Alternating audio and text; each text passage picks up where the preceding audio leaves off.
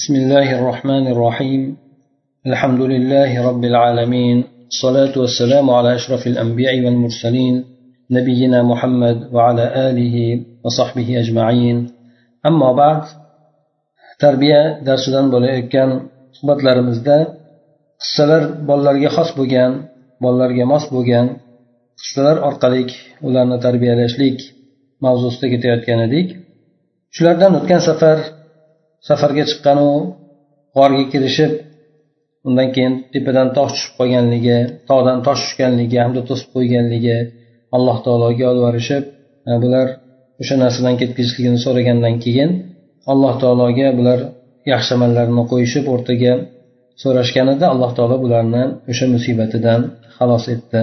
Ana o'sha qissa hamda u qissadan olinadigan tarbiyaviy o'gitlar darslar ana o'sha to'g'risida gapirib o'tgan edik.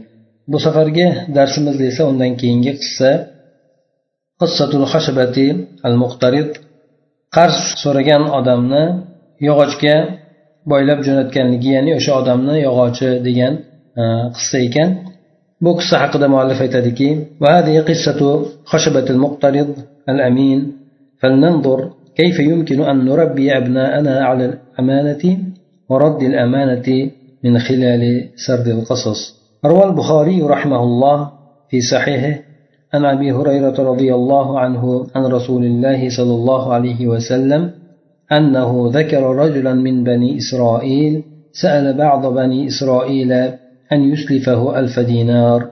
وفي رواية أبي سلمة أن رجلا من بني إسرائيل كان يسلف الناس إذا أتاه الرجل بكفيل. وفي رواية بها مجهول أنه النجاشي. فقال ائتني بالشهداء. أشهدهم. فقال كفى بالله شهيدا. قال فأتني بالكفيل. قال كفى بالله كفيلا. قال صدقت. فقال سبحان الله. نعم. رضي بكفالة الله مما يدل على إيمان صاحب الدين وثقته بالله عز وجل فدفعها إليه أي ألف دينار إلى أجل مسمى. فخرج في البحر فقضى حاجته ثم التمس مركبا يركبها يقدم عليه, يقدم عليه للأجل الذي أجله.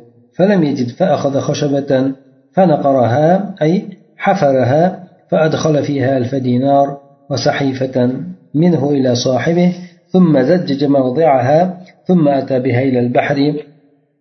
فقال اللهم إنك تعلم أني كنت استسلفت من فلان ألف دينار فسألني كفيلا فقلت كفى بالله كفيلا فرضي وسألني شهيدا فقلت كفى بالله شهيدا فرضي, فرضي بك وأني جهدت أن أجد مركبا أبعث إليه الذي له فلم أقدر وإني أستودعكها فرمى بها. في البحر حتى ولجت فيه أي دخلت في البحر رماها وهو واثق بالله متوكل عليه مطمئن أنه استودعها من لا تضيع عنده الودائع.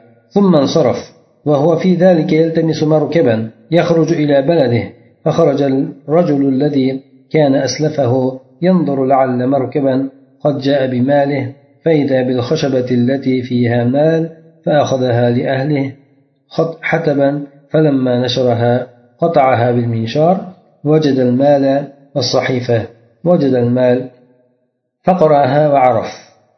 قال صلى الله عليه وسلم ثم قدم الذي كان أسلفه فأتى بالألف دينار فقال والله ما زلت جاهدا في طلب مركب لآتيك بمالك فما وجدت مركبا قبل الذي أتيت فيه, فيه. قال هل كنت بعثت إلي بشيء؟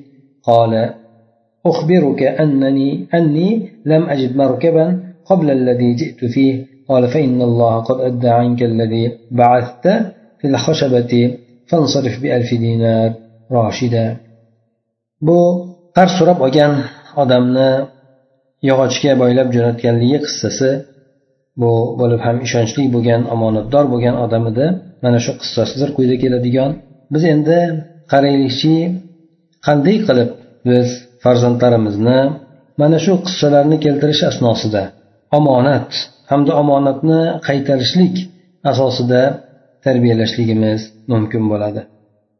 Qanday qilib demak bolalarga bu qissalarni aytib o'tish orqali ularni mana shu omonat hamda omonatni chiroyli suratda qaytarishlik shu asosda tarbiyalashligimiz mumkin bo'ladi deydi.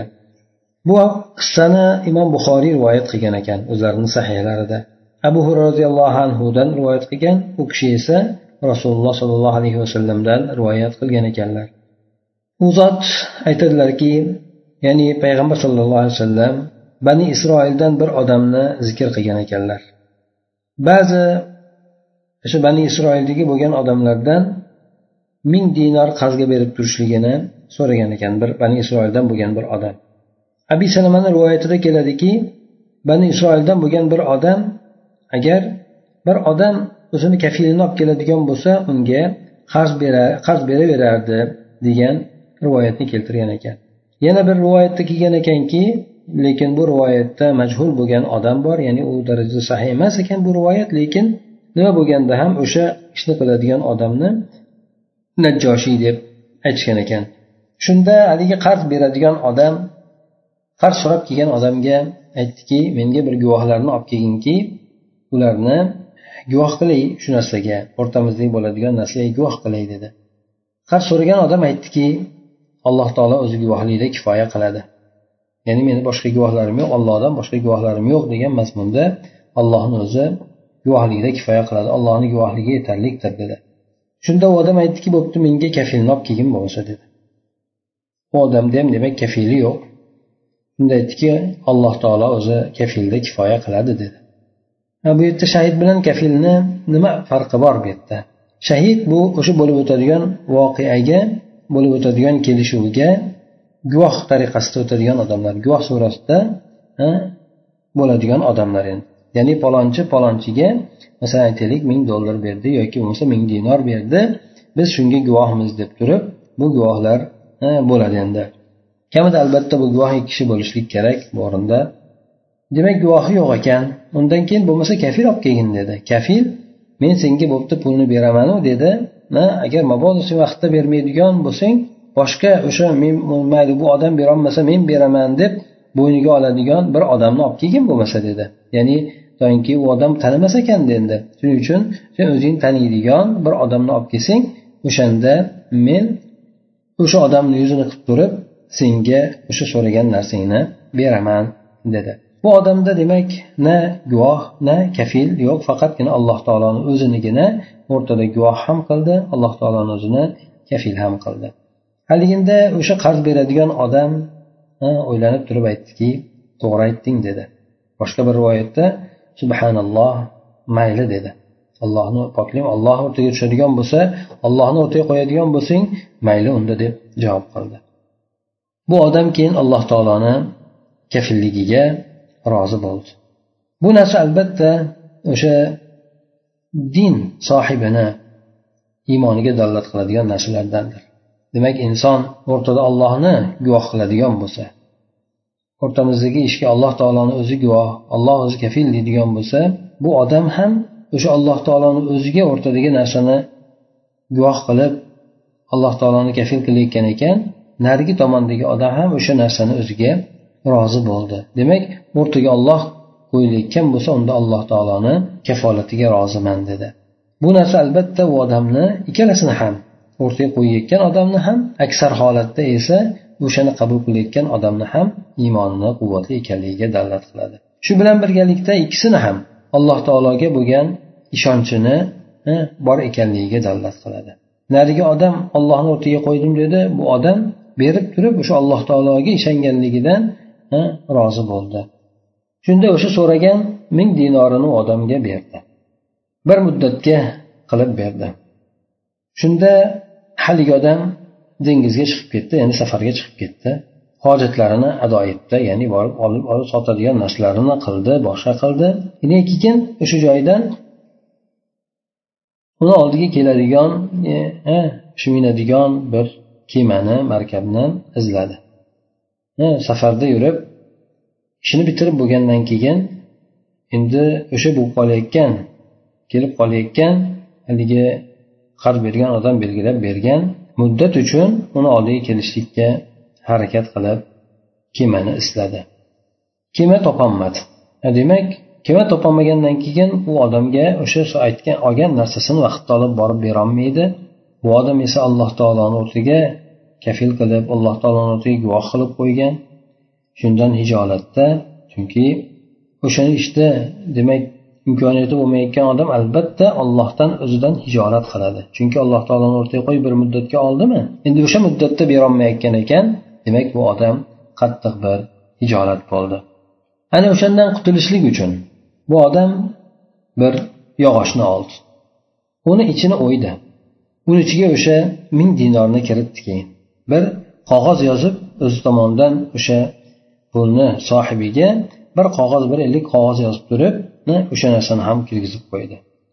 Uni o'rnini yaxshilab yelimladi so'ng uni dengizga tashlab yubordi. Dengizga olib keldida aytdiki allohim albatta sen o'zing yaxshi bilasan. Men palonchidan ming dinorni qarz so'ragan edim. Mendan kafil so'radi. Men aytdimki olloh kafillikda yetarlikdir dedim. Shunga rozi bo'ldi. Mendan guvoh so'radi. Men alloh taolo guvohlikda ham kifoya qiladi dedim. O'sha senga rozi bo'ldi guvoh bo'lishligingga.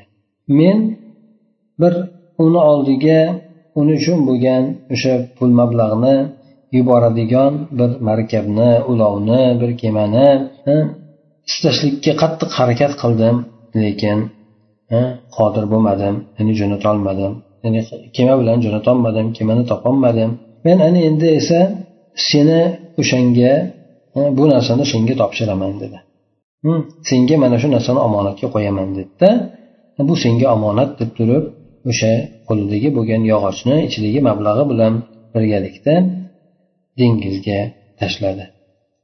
Hattoki o'sha nima dengiz ichiga kirib ketdi o'sha yog'och.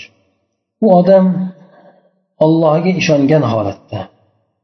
Allohga tavakkul qilib o'zi omonatlar hech ham uni huzurida zoyi bo'lmaydigan bir zotga o'sha narsani ishonib topshirganligiga xotirjam bo'lgan holatda o'sha yog'ochni otdi. So'ng orqasiga burilib ketaverdi. Ana u o'sha asnoda o'zini shahriga chiqadigan bir markabni kemani qayiqni izlab davom etdi. Qarz bergan odam qarab chiqa boshladi. Endi o'sha kutib ya'ni bir yil bo'lib qolgan o'sha aytgan muddati kelib qolgan shu odam endi qarab chiqar edi ehtim shoyat bir haligi molni bir markab bironta bir ulov bironta bir kema bo'lsin qayiq bo'lsin o'sha undan olingan molni mol bilan haligi odam kelib qolsa degan maqsadda qaragani chiqar edi bir kuni qarasa bir yog'ochni topib oldi. Uni ichida moli bor bo'lgan haligi yog'och haligi odam jo'natgan yog'ochni topib oldi. Shunda hech bo'lmasa bu yog'och o'tin demak uyda ishlab qolar degan maqsadda o'zi bilan birga olib oldi. Uyga borib keyin uni arra bilan araladi. Ya'ni o'tin qilib aralaganida ichidan haligi qo'yilgan mablag' bilan mol bilan yozilgan sahifani topib oldi. Uni o'sha sahifani o'qitdi keyin uni sohibini tanidi. So'ng payg'ambar sallallohu alayhi vasallam aytdilarki haligi qarz olgan qarz bergan odam keldi. Qarz olgan odam qarz bergan odamni oldiga keldida ming dinorni ham o'zi bilan birgalikda olib keldi. Demak haligi yog'ochni jo'natib yuborgan odam qarz bergan odamni oldiga keldi. O'zi bilan birga boshqa ming dinorni olib keldi. Aytdiki allohga qasamki sizni oldingizga molingizni olib kelib berishlik uchun bironta bir ulovni kema qayiqni izlashlikda juda qattiq harakat qilib davom etgan edim. Lekin mana shu sizni oldingizga kelishligimdan oldin bironta bir na bir kema na bir qayiq topa olmadim deb aytdi. Haligi odam aytdiki qarz bergan odam aytdiki menga biron narsani avval jo'natganmidingiz? deb so'radi. Haligi odam aytdiki men sizga xabar beramanki men bironta o'sha sizga mana shu kelishligimdan oldin bir markabni bir ulovni qayiqni kemani topmagan edim. Qanday qilib men e, jo'natishim mumkin degan nimada men u kishi umumiy qilib turib javob berdi. Haligi odam aytdiki alloh taolo bo'lmasa sizdan ado etib qo'yibdi bo'lmasa dedi. O'sha yog'ochni ichiga joylab jo'natgan narsangizni alloh taolo sizdan ado etib qo'yibdi. Endi bu ming dinorni o'zi to'g'ri ana shu qo'lingizdagi bo'lgan hozirgi ming dinorni olib to'g'ri yo'lingizga ravona bo'lavering deb aytdi. Demak mana bu yuqoridagi bo'lgan hadisda pastda ham undan foydalarni keltirib chiqariladi. Payg'ambar sallallohu alayhi vasallam avvalgi o'tgan ummatlarni misollardan ko'p keltirgan edi. Mana bu misol ham o'shalarni birlari demak qaysi zamonda bo'lsin inson iymonlik e'tiqodlik bo'ladigan bo'lsa omonatdor bo'ladigan bo'lsa qaysi zamonda bo'lishidan qat'iy nazar alloh taolo unga yordam berar ekan. Bu payg'ambar sallallohu alayhi vasallamni so'zlari bil alfi dinar roshidan degan keltirgan hadislardagi gaplari boshqa bir hadisda esa قد الله قد أدى الله عنك وقد بلغنا الألف في التابوت فأمسك عليك ألفك يعني لما تيسرت للمدين العودة إلى إلى بلده جاء بسرعة إلى صاحب الدين ومعه ألف دينار أخرى خوفا منه أن تكون الألف الأولى لم تصل إليه فبدأ يبين عذره وأسباب تأخره عن الموعد فأخبره الدائن بأن الله عز وجل الذي جعل الرجل شاهده وكفيله جعل الرجل جعله الرجل شاهده وكفيله قد أدى عنه دينه في موعده المحدد قال أبو هريرة ولقد رأيتنا رأيتنا عند رسول الله صلى الله عليه وسلم يكثر مراؤنا ولغتنا أيه أيهما آمنوا ming dinorni olib yo'lingizga ravona bo'lavering deb aytgan gapi boshqa bir hadisda esa alloh taolo sizdan ado etib qo'ydi bizga siz o'sha jo'natgan ming dinor tobutni ichida keldi biz kelgan edi bizga. Endi bu ikkinchi bo'lgan qolgan ming dinorni o'zingizga olib qola qoling degan mazmundagi gaplarni aytgan edi. Ya'ni qarz olgan odam uchun o'zini shahriga qaytishlik imkoni bo'lgan paytida tezda qarz sohibini ya'ni qarz bergan odamni oldiga keldi. Shaharga kelishligi qaytishligi bilan tezda o'sha qarz bergan odamni oldiga shoshilib bordi. O'zi bilan birgalikda boshqa ming dinorni olgan edi. Shundan qo'rqibki ya'ni avvalgi ming dinor yetib kelmagan bo'lishligi degan narsani o'ylab o'zi bilan birgalikda boshqa ming dinorni ham olib olgan edi. Keyin lekin kelishilgan vaqtdan kechikib ketganligi sabablarini shuningdek o'zini uzrlarini bayon qilib boshladi. Qarz bergan odam shunda xabar berdiki alloh taolo ya'ni bu odam u zotni demak o'ziga guvohi kafila qilgan alloh taoloni kafila qilgan alloh taolo undan o'sha belgilangan paytda qarzini o'tab qo'ygan ekanligini xabarini berdi. Abu hur roziyallohu anhu aytardiki rivoyatdan keyin biz o'zimizni rasululloh sollallohu alayhi vasallamni oldida ko'rdikki bizni ya'ni tortishuvlarimiz kelish e, shunaqa bir e, munozaralarimiz yoki tortishuvlarimiz e, ko'p bo'lardiki ulardan qaysi biri omonatdorroq ekan? Ya'ni ollohni o'rtaga qo'ygan paytda e, shunga ishonib turib berib yuborgan odam omonatliroqmi?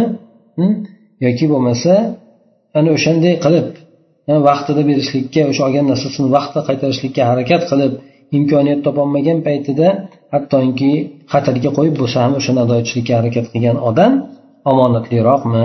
shu borada bizni tortishuvlarimiz ko'p bo'lar edi shuni shunday holatda o'zimizni ko'rgan edim deb abu roziyallohu anhu rivoyat qilgandan keyin aytgan ekanlar endi demak mana bu yuqorida aytib o'tgan hadisimizda o'ziga yarasha ancha foydalar bor ulardan mana birinchisidan aytadiki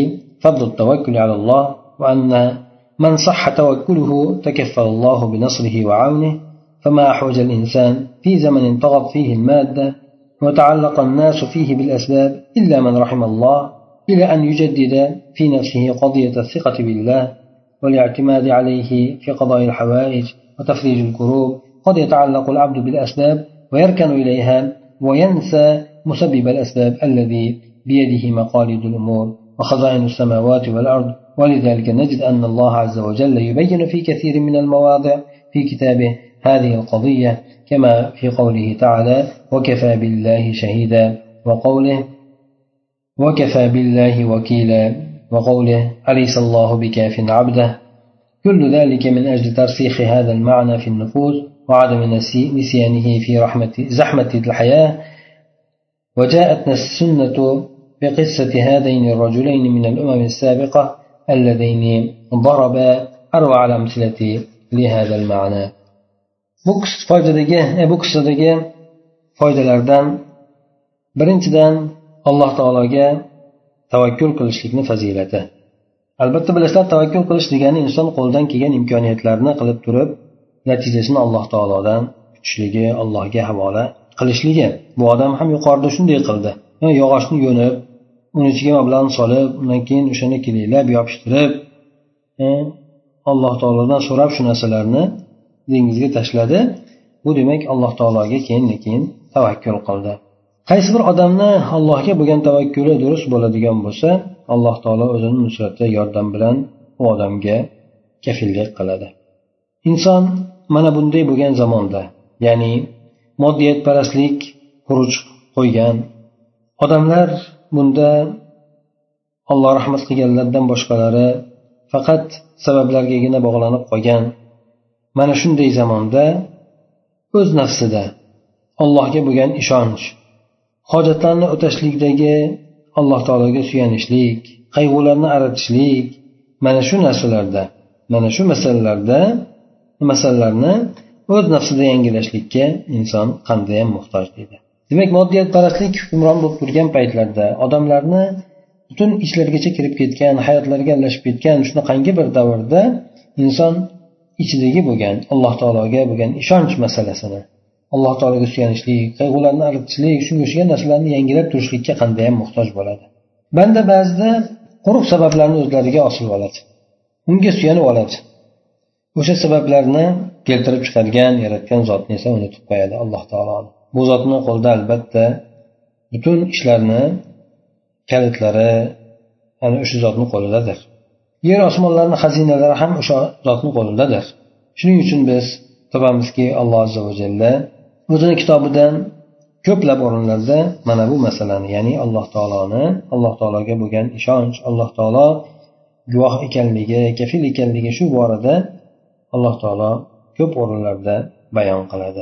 Mana misol tariqasida ushbu alloh taoloni so'zini oladigan bo'lsak shahida alloh taolo o'zi guvohligida kifoya qiladi. Yana bir boshqa oyat karimada esa billahi vakila alloh taolo vakillikda kifoya qiladi. Boshqa bir oyatda esa alloh taolo o'zini bandasiga kifoya qiluvchi emasmi? Bandasiga yordam beruvchi emasmi?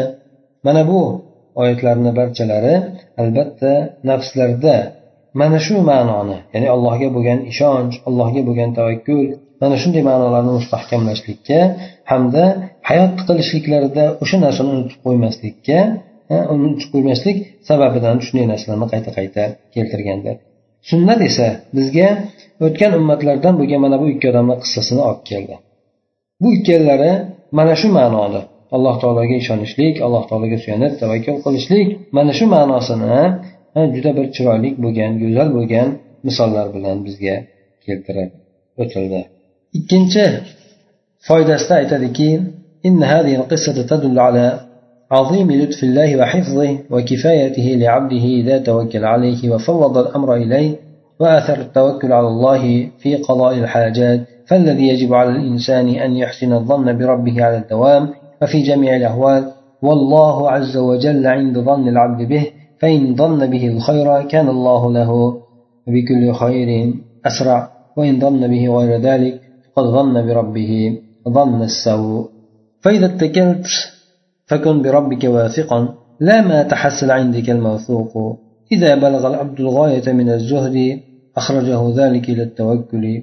قال رسول الله صلى الله عليه وسلم لو أنكم كنتم توكلون على الله حق توكله لرزقتم كما يرزق الطير تغدو خماصا وتروح بطانا ومن يتوكل على الله فهو حسبه إن الله بالغ أمره قد جعل الله لكل شيء قدرا mana bu qissa alloh taoloni marhamatini buyukligiga alloh taolo hifz himoyasida saqlashligiga dalolat qiladi shuningdek banda agar allohga tavakkul qiladigan bo'lsa ishini alloh taologa topshiradigan bo'lsa bandasiga kifoya qilishligiga dalolat qiladi. Shu bilan birgalikda hojatlarni o'tashlikdagi alloh taologa tavakkal qilishlik asoratiga ham bu qissa dalolat qiladi. Insonga doimo robbisi bilan gumonni yaxshi qilishligi lozim bo'ladi. Hamma holatlarda hamma vaqtlarda alloh taolo bilan inson gumonni yaxshi qilishlik kerak bo'ladi. Ya'ni nima uchun deganda banda alloh taolo bilan gumonni yaxshi qilishligi mana alloh taolo o'zi saqlovchi degan o'zini bilib turuvchi degan undan tashqari juda ko'p oyatlarda hadislarda alloh taoloni ism sifatlari keladi. Alloh taoloni aytilganidek banda bilishligi alloh taoloni haqida o'sha narsalar bilan o'ylanishligi o'sha narsalar bilan tanishligi bu alloh bilan bo'lgan gumonni yaxshiligini ifoda qiladi aks holda esa u banda olloh bilan yomon gumon qilib qo'yadida mana hadis sharifda ham keladi. Alloh taolo bandani gumonida bo'ladi. Agar banda olloh bilan yaxshilikni gumon qiladigan bo'lsa alloh taolo u uchun butun yaxshiliklarga shoshiluvchi bo'ladi. Agar olloh bilan bundan boshqa narsani gumon qiladigan bo'lsa u inson robbisi bilan yomon gumonni qilgan bo'ladi. Agar siz suyanadigan bo'lsangiz tavakkul qiladigan bo'lsangiz robbingizga ishonchli bo'ling. Robbingizga ishoning. Sizda o'sha ishonilgan narsa hosil bo'lishligiga emas. Ya'ni siz nimani ishonib topshirgan bo'lsangiz o'sha narsa hosil bo'lishligiga emas balki alloh taoloni o'ziga ishonuvchan bo'ling.